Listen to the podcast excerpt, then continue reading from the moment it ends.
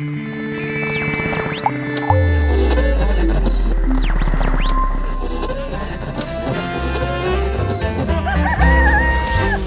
dag als de wekker gaat, spring ik uit de veren.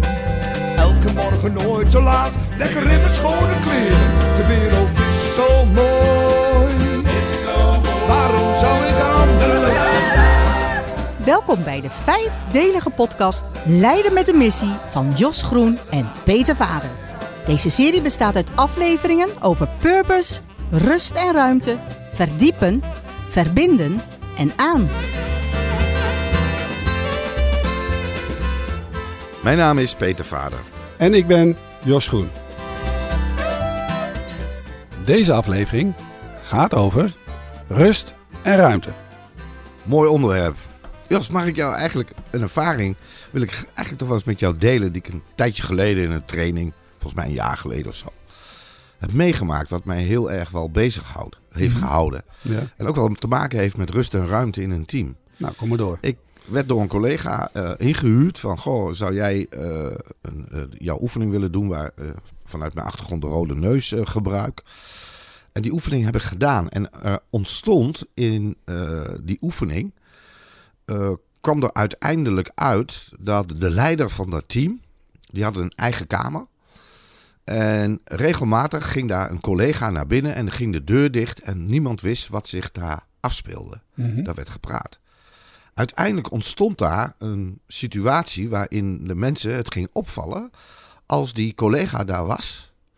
Ja, een tijdje later krijg je toch veranderingen. Volgens mij bespreekt de leider het met haar, in dat geval, eh, de nieuwe aanpak of de dingen. Eh, ik zag ze laatst ook bij het koffiezetapparaat met z'n tweeën. Ik liep er langs en ze vielen stil. Eh, maar let maar eens op als ze weer naar binnen gaat. Let op, dan komen er weer veranderingen. Kortom, het was iets langer. Er kwam uit dat er eigenlijk geen vertrouwen was in de leider en dat hun het gevoel hadden dat die twee het over hun hadden, over hun roddelden, over de rest van het team. En eh, ja, eh, ze voelden zich daardoor buitengesloten, was bedreigend, vertrouwen en veiligheid was weg. Oei. Ja, was, er gebeurde veel. En de enige vraag die ik heb gesteld, goh, zouden jullie willen, durven, kan het? Is het veilig genoeg hier? Wat speelt er dan af in dat kamertje? En die vrouw die was heel erg geschrokken. Die man zat er lijkbleek bij. Ze zei, oh, is dat zo bij jullie overgekomen? Nou, we hebben het nooit over jullie gehad. We hebben nooit nieuwe afspraken met elkaar besproken. Het enige is, en dat willen we dan nu al eerlijk aan jullie vertellen. eh, wij zijn allebei los van elkaar met onze partner bezig met IVF. En wij delen eh, ja, wat we meemaken. Dat delen we met elkaar om elkaar te steunen. Een Daar gebeurde daarna heel veel, maar goed, dat eh, laat ik hier weg. Maar als je praat over rust en ruimte, wat vind je wat er aan zou moeten toegevoegd worden? Hè? Het, dit gaat ook over eh, het missen van communicatie, communicatie, aanspraken, aandacht hebben voor elkaar. Mhm. Als je dan praat over rust en ruimte, wat gebeurt er dan meer in deze situatie bijvoorbeeld? Of in meerdere teams? Je herkent het verhaal, denk ik wel, de situatie. Nou ja, weet je wel, je, je herkent dat, dat, nou, dat mensen in een soort oordeel of in een soort aanname gaan zitten. Dat, nou, dat ze eigenlijk niet op zoek gaan naar wat is hier nou eigenlijk echt aan de hand. Hè? Dus dat, dat, eh, dat het niet de openheid is, blijkbaar. Hè? Zeg je stokpaardje maar, Jos. Hè? Zeg je stokpaardje maar. Open? Je denkt dat je het weet. Oh, die. Ja, die, die wou ik nou juist, die wou ik nou juist even voor me houden voor de volgende. nou ja, dan komt hij later. Nou, Dan komt hij wel. Dan hebben ze echt door dat het een stokpaardje is. Nee, weet je dat, zie, dat ja, het, is, het is niet zo gek dat mensen dan hun eigen beelden en hun eigen oordeel gaan doen. Maar de, de truc is natuurlijk om het te vragen en om de openheid te hebben met elkaar om dat gesprek aan te gaan. Ja, En als je die ruimte voelt, die openheid voelt, kun je het ook hebben over rust en ruimte. Want in de basis gaat wat mij betreft, en ik zal het even kort aanraken, rust en ruimte gaat over jezelf kunnen zijn in alles wat je doet. De intentie waarmee je dingen doet. De bereidheid om je keuzes toe te lichten en echt te luisteren naar die ander. Dat je grip en regie hebt eigenlijk op alles wat er speelt en wat er gebeurt. Dat je transparant bent, dus ook open. Hè? Maar dat er ook veiligheid is op die werkplek. En juist die veiligheid, Peter, dat is iets, dat is misschien wel een ander stokpaardje, jij Ja. nog niet zo goed van mij kent. Daar ben ik toch ook wel heel, Ja. ja. heel keen op dat, dat die veiligheid er is. ja, ja. ja. Je, je noemt nog een aantal dingen. Hè? Van, als, als we even kort langslopen, misschien zou je iets wat verdiepender kunnen vertellen eigenlijk. Eh, eh, je zegt jezelf zijn in alles wat je doet. Kan je daar iets nuanceren? Of wat Nou je ja, daar precies je- mee doe- bedoelt? Zie, als je, als je jezelf bent, hè, en, eh, en daarmee ga ik ervan uit, als je jezelf bent, heb, je, heb ik in ieder geval bij mezelf heb ik gewoon rust. Dan ben ik gewoon in contact met, mijn- met mijn gevoel. En dan, eh, dan hoor ik alles, zie ik alles. En dan ben ik niet alleen maar in mijn hoofd gevangen. Ehm, en als ik dan mezelf ben, dan kan ik ook gewoon in alle rust aandacht hebben voor iedereen en alles wat aandacht vraagt. En dat geldt voor mij als leider, maar dat geldt dus ook voor de mensen in het team. Hm. Als die zichzelf kunnen zijn, ja, dan ben je veel rustiger. Als je de hele dag probeert na te jagen iets of iemand te zijn wie je eigenlijk zelf helemaal niet bent. Hm. Ik zou er net te gek van worden. Ja, ja, ja. En dan heb je het over intentie. Is dat Mhm. als leider of... Ja, en ik denk intentie is iets wat, wat je gewoon merkt. Weet je wel, het, eh, is het echt of is het onecht? Hè? Met welke intentie eh, ga je naar je werk? Eh, met welke intentie voer jij je rol als leider uit of je baan uit? Hè, doe je het voor de status? Doe je het voor de poen? Of doe je het voor de titel? Of ben jij er gewoon om anderen te helpen, anderen beter te maken, groei en ontwikkeling te stimuleren? Ja, dat is toch, die intentie is iets onderhuids, iets van het arendsoog van die mensen, wat ze voelen. Of je het wel of niet oprecht meent, wat je zegt en wat je doet. En je noemde ook bereidheid eigenlijk, hè? Bereidheid in. Ja, in, in van alles, Peter. Ja. Keuzes. Keuzes, eh, maar bereidheid gaat er ook over. Hè, als je in een leiderschapspositie zit, ehm, ja, heel vaak neem je besluiten of mag je besluiten nemen. Ja, dan is het wel belangrijk dat je bereid bent om ook uit te leggen, of in ieder geval toe te lichten aan de mensen, eh, hoe je tot dat besluit bent gekomen. Welke afwegingen je hebt gemaakt. En dan nog mogen ze het wel of niet met je eens zijn. Dat vind ik wat anders dan dat je je mond maar houdt en denkt, ja, je zult het wel begrijpen wat, wat hiermee bedoeld wordt. Nee, je moet bereid zijn, vind ik, om toe te lichten waarom je tot keuzes komt. Want het gaat ook over vertrouwen. Ja, en als je het zo benadert, hè, want je, je zei ook grip en regie. Hè? Ik bedoel, eh, als ik een hele autoritaire leider ben, kan ik ook grip en regie eh, creëren. hè. Ja, geweldig. Dat voelt, voelt voor mij als grip en regie de leider die eh, zegt je moet zoveel targets, KPI's, allerlei termen. eh, hè, we zien bij bepaalde, de, de Marsrepen, die zie ik dan bij Van der Valk 20 van die busjes met Mars. Ik denk, oh, de grip en regie van de salesmanager is weer aan de gang. nou, dat is de grip en regie die jij niet bedoelt, denk ik. Nou, weet je wel, daar zit al een heel mooi verschil, Peter, tussen wat doe je als manager en wat doe je als leider. Ja, dat klopt. En eh zie, grip en regie kun je doen door controle te nemen. Dus ook echt te gaan controleren. Joh, doe je je werk wel? Joh, eh, eh, waar ben je mee bezig? Eh, komt het wel goed? Eh, al die checkvragen. Ja, Waar ik in ieder geval een enorme allergie voor heb opgebouwd in mijn eh, carrière, ook als, eh, als manager.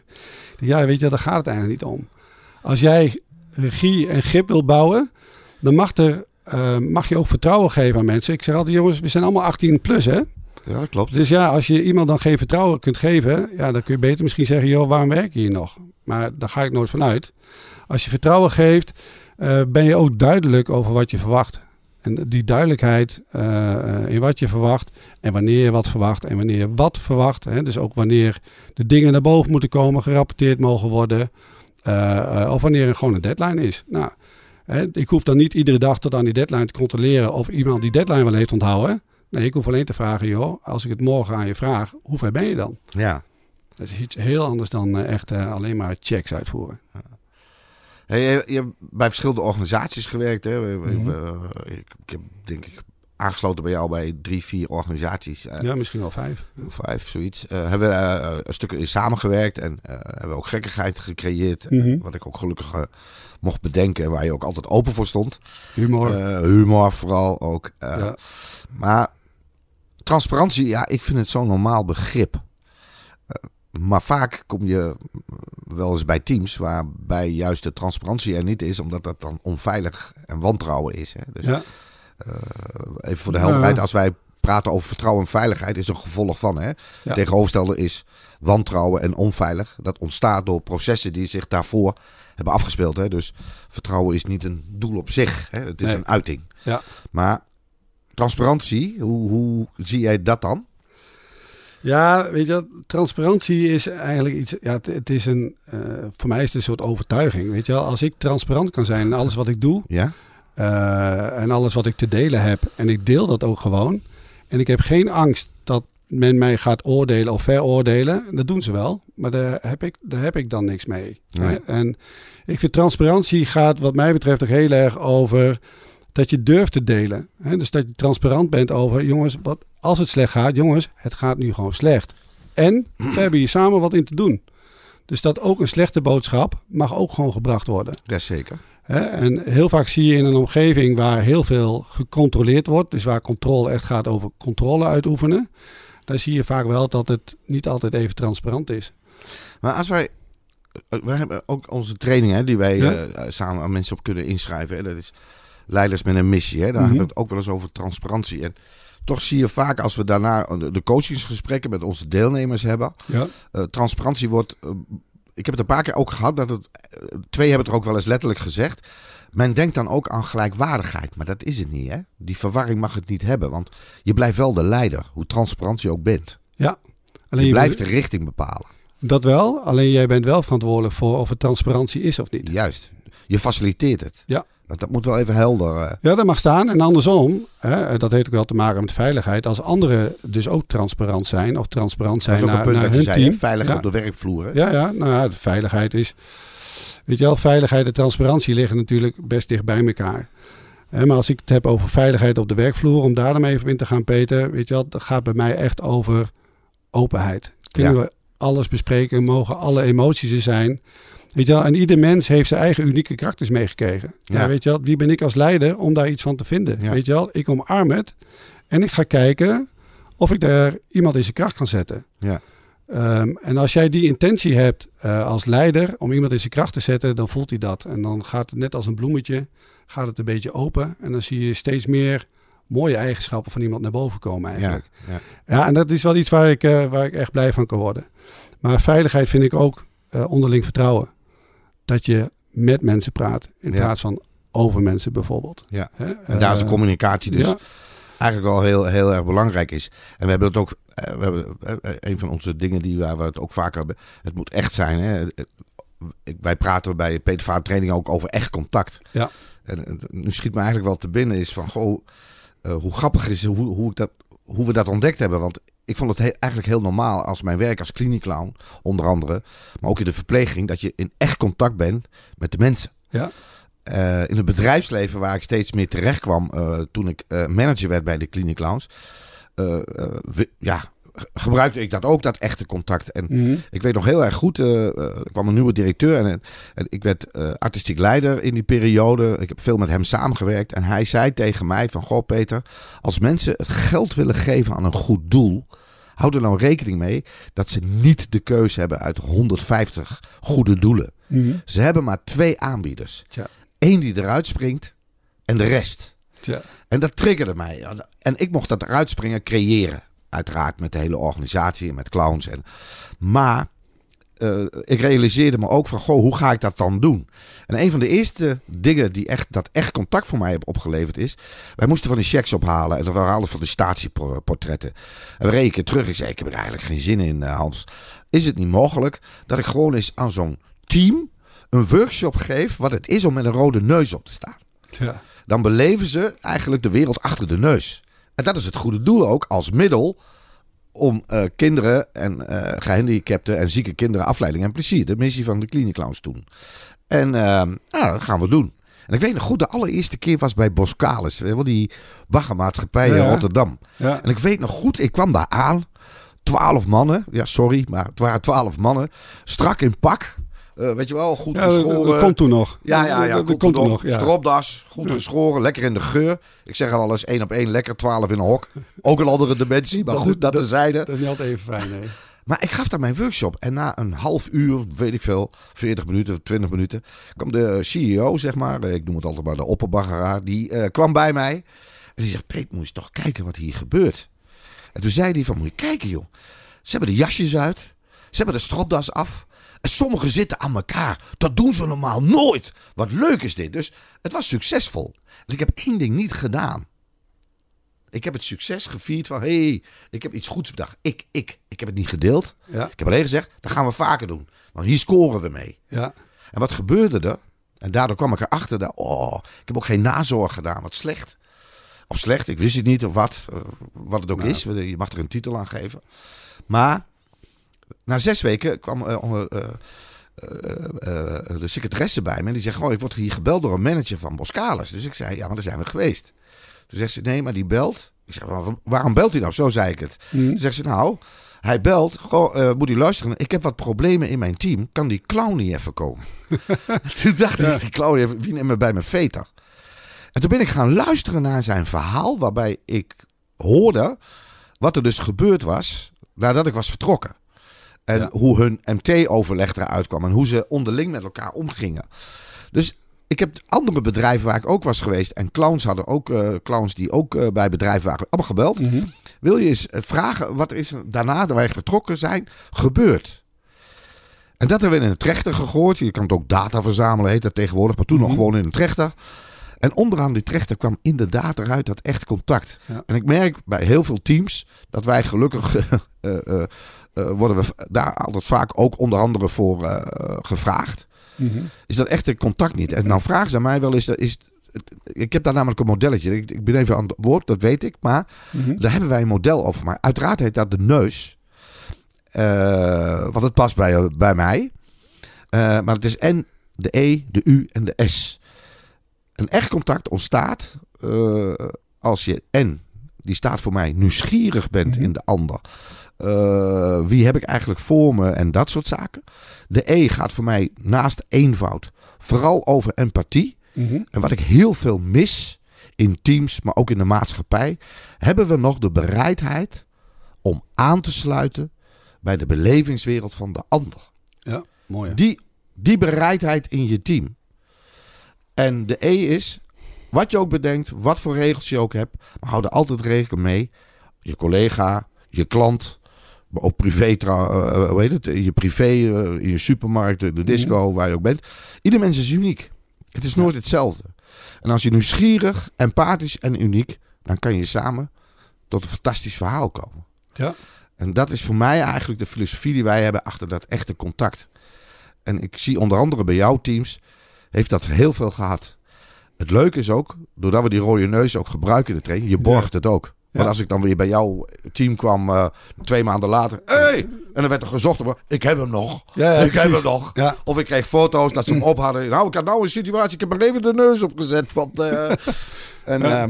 ja, het was eigenlijk... eh, Nou weet je wat, is, Peter, met die, met die neuzensessie, maar wat je zei hè, bij, bij Boskalis. Eh, eigenlijk is het heel raar dat we eh, vanuit leiderschap en vanuit, nou, ook wat ik vanuit eh, Hybrid eh, breng op, als eigen bedrijf, dat je heel vaak even terug moet naar die eenvoud, even terug moet naar die Ja. basis. Van, goh, maar wie ben jij eigenlijk? Hè? En wat voel je eigenlijk? Dus heel vaak ook voorbij het hoofd. Dus even naar het, het gevoel moet gaan bij, een, bij iemand. Maar als je daar bent, ontstaat er vaak wel rust. Dat valt mij wel op. ja. Maar ruimte gaat volgens mij ook om dat je de structuren, de taken, de Ja. afspraken daar waar. Eh, ik, ik denk niet dat je alles kan benoemen, hè, want het, kost nogal erg veel tijd. Ja. Maar als je, ik weet wel, als ik, eh, ik kwam dan regelmatig natuurlijk op de afdelingen ook waar eh, jouw team werkte en dergelijke, en wat dingen te doen of te bespreken en dergelijke. Maar op een gegeven moment zag ik steeds meer dingen. Hè. Je ging de afdeling verbouwen. Mhm. Er kwamen grote eh, lunchruimtes, eh, maar dat was En meer een huiskamer. Tribunes hebben we nog, is daar gebouwd. Daar heb ik nog Ja. presentaties in een, een theaterachtige sessie. Eh, ik zal ook nooit vergeten, een kamer vol met van die geeltjes en briefjes en Ja. plakdingen. En, en, en. Ja. Maar even, even voor, de, voor de luisteraars van, hoe cre- creëer je nou rust en ruimte? Wat zijn een aantal tips die je daarin zou kunnen geven? Ja, zie het is natuurlijk iets, iets heel breeds, hè? iets heel Ja. groots. Want het gaat niet alleen om de mensen, het gaat ook over de commercie, over de markt. Het gaat ook over de bedrijfsvoering. Hè? Dus rust en ruimte in je financiële bedrijfsvoering. Nou, Ja. dat is wel eentje waar ik ook vaak wel mee begin. Zeker. Dat we eerst alle stakeholders eh, duidelijk maken dat het nu niet goed gaat, dat het beter gaat. En dat ook laten zien hoe. Maar daar zullen we nu niet te veel over hebben. Hè. Eh, zie, toen ik kwam, eh, en dat is bij eigenlijk bij al die werkgevers wel een beetje hetzelfde geweest, was er vaak al wat paniek, onrust. Eh, we waren heel druk, eh, weinig focus, Rode cijfers. rode cijfers, maar ook heel druk. Gewoon druk met van alles en nog wat. En als je rust en ruimte wil creëren, ja, met dit team zijn we samen gaan kijken, joh, wat is iets wat bij ons past. Hè, en in de huidige tijd ja, dat noemen we allemaal Scrum en Agile. Nou, voor, voor mij is dat gewoon heel wendbaar zijn met elkaar en goed luisteren naar elkaar wat er gebeurt. Ehm, en uiteindelijk kwam ik met, met het team in een, in een soort ritme terecht dat we zeiden, joh, we maken een jaarplan. Maar dat jaarplan maken we niet om uiteindelijk in de la te leggen. Nee, dat jaarplan is iets, dat gaan we ook echt doen. Daar, hebben we over nagedacht. Dat is ook echt wat we willen en dat is ook echt wat we gaan doen. En dan zijn we eigenlijk in, ja, je noemt dat scrum-ceremonies. Iedere maandagochtend waren we anderhalf uur bij elkaar als kernteam. En spraken we door, joh, uh, uh, hoe gaat het met de mensen? Welke acties staan er voor deze week of deze maand op het programma? En dan pakte iemand zijn eigen rol. Die zei, nou, ik heb dit gedaan, ik heb dat gedaan en dit is het volgende wat ik nog doe. En zo kwamen we bij elkaar in een soort ritme terecht dat ook de mensen zelf hun verantwoordelijkheid namen over dat stukje waar zij verantwoordelijkheid voor hadden. Uh, ze toonden daar leiderschap op. Hè? Dus ze gingen zelf dingen uh, uh, ontwikkelen. Ze gingen zelf initiatief nemen. het mooiste was uiteindelijk dat je met elkaar een soort gemeenschappelijke taal, een soort gemeenschappelijke, ehm, ja, een soort weten van elkaar. Oh, wacht even, we hebben het over meesterschap binnen deze organisatie. Maar wat betekent nou meesterschap? Daar hebben we denk ik wel anderhalf jaar over gedaan om echt met elkaar echt goed te begrijpen waar, als wij het woordje meesterschap noemen, wat wij er dan mee bedoelden. En later ook wat de medewerkers daar dus ook mee bedoelden. En meesterschap ging in dit geval veel verder dan gewoon rete goed zijn in je vak. In dit geval dan software bouwen. Maar dat ging er nog veel meer over wat toegevoegde waarden zijn voor je klant en voor je, voor je collega's. Het mooie vond ik op het moment dat je met elkaar discussies hebt over wat is mijn waarde in dit proces. Als je het mag hebben over waardecreatie, je kijkt naar je klanten, maar je kijkt ook hoe je samenwerkt met elkaar. Je kijkt ook naar je eigen processen. Ja, en dan kun je soms kun je gewoon heel veel dingen kun je gewoon gelijk wegdonderen, omdat het gewoon geen waarde heeft. Dan moet je eens nagaan hoeveel rust en ruimte dat creëert. En dat doe je allemaal samen, hè? Ja. En, en je hoeft eigenlijk ook niet zelf alles te weten. Je krijgt ook heel veel terug, hè, omdat je ook uh, de kwaliteiten, kennis, mm -hmm. uh, talenten, competenties, uh, noem de hele handplan maar, ja. maar ook terugkrijgt. Ja. Zou ik eigenlijk als slot van deze podcast kunnen zeggen, Jos? Als leider ben je een gids, maar je hoeft niet alle antwoorden zelf te hebben. Dat lijkt me een hele mooie, Peter. Nou, dan uh, bedank ik iedereen voor het luisteren. En wie weet, tot een volgende podcast. Meer weten? Ga dan naar petervader.nl. Wil je echt contact? Stuur een mail naar info.petervader.nl of bel 06 53 64 85 52. Tot ziens! Elke dag als de wekker gaat, spring ik uit de veren.